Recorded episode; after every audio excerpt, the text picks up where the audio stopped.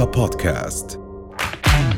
أهلا وسهلا فيكم برؤيا بودكاست ترند. كل إشي بتحتاجوا تعرفوه عن آخر أخبار النجوم والمشاهير وأهم ترند صدر لهذا الأسبوع. هند البلوشي وصلتني عروض كثيرة للزواج عشاني مشهورة. بدور الإبراهيم متهمة بتقليد رهف القحطاني والرد قاسي.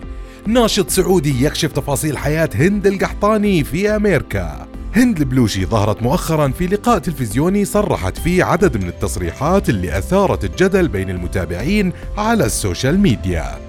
بعد ما حكت إنها تتلقى يوميا عددا كبيرا من عروض الزواج طمعا بالحصول على شهرتها والاستفادة منها. وقالت إنه سابقا كان الزواج من فنانة شيء مشين أما الآن انقلبت الموازين.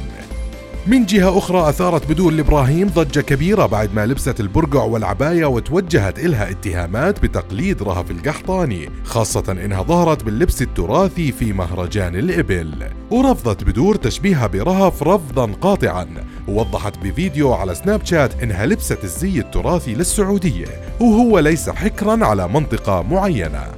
أما في فيديو غريب انتشر أثار في ناشط سعودي على سناب شات الضجة بتصريحات عن حياة هند القحطاني اللي تظهر فيها على ال social media وحقيقة هذا الثراء كله حيث كشف إنها تعمل طباخة ومقيمة بالقصر مع أبنائها الأربعة.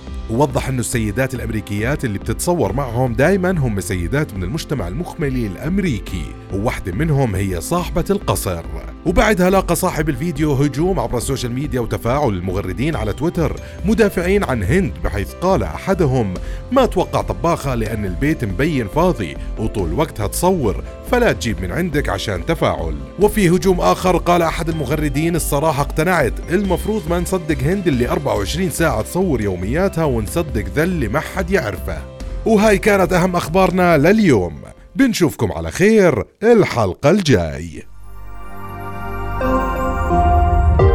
رؤيا بودكاست.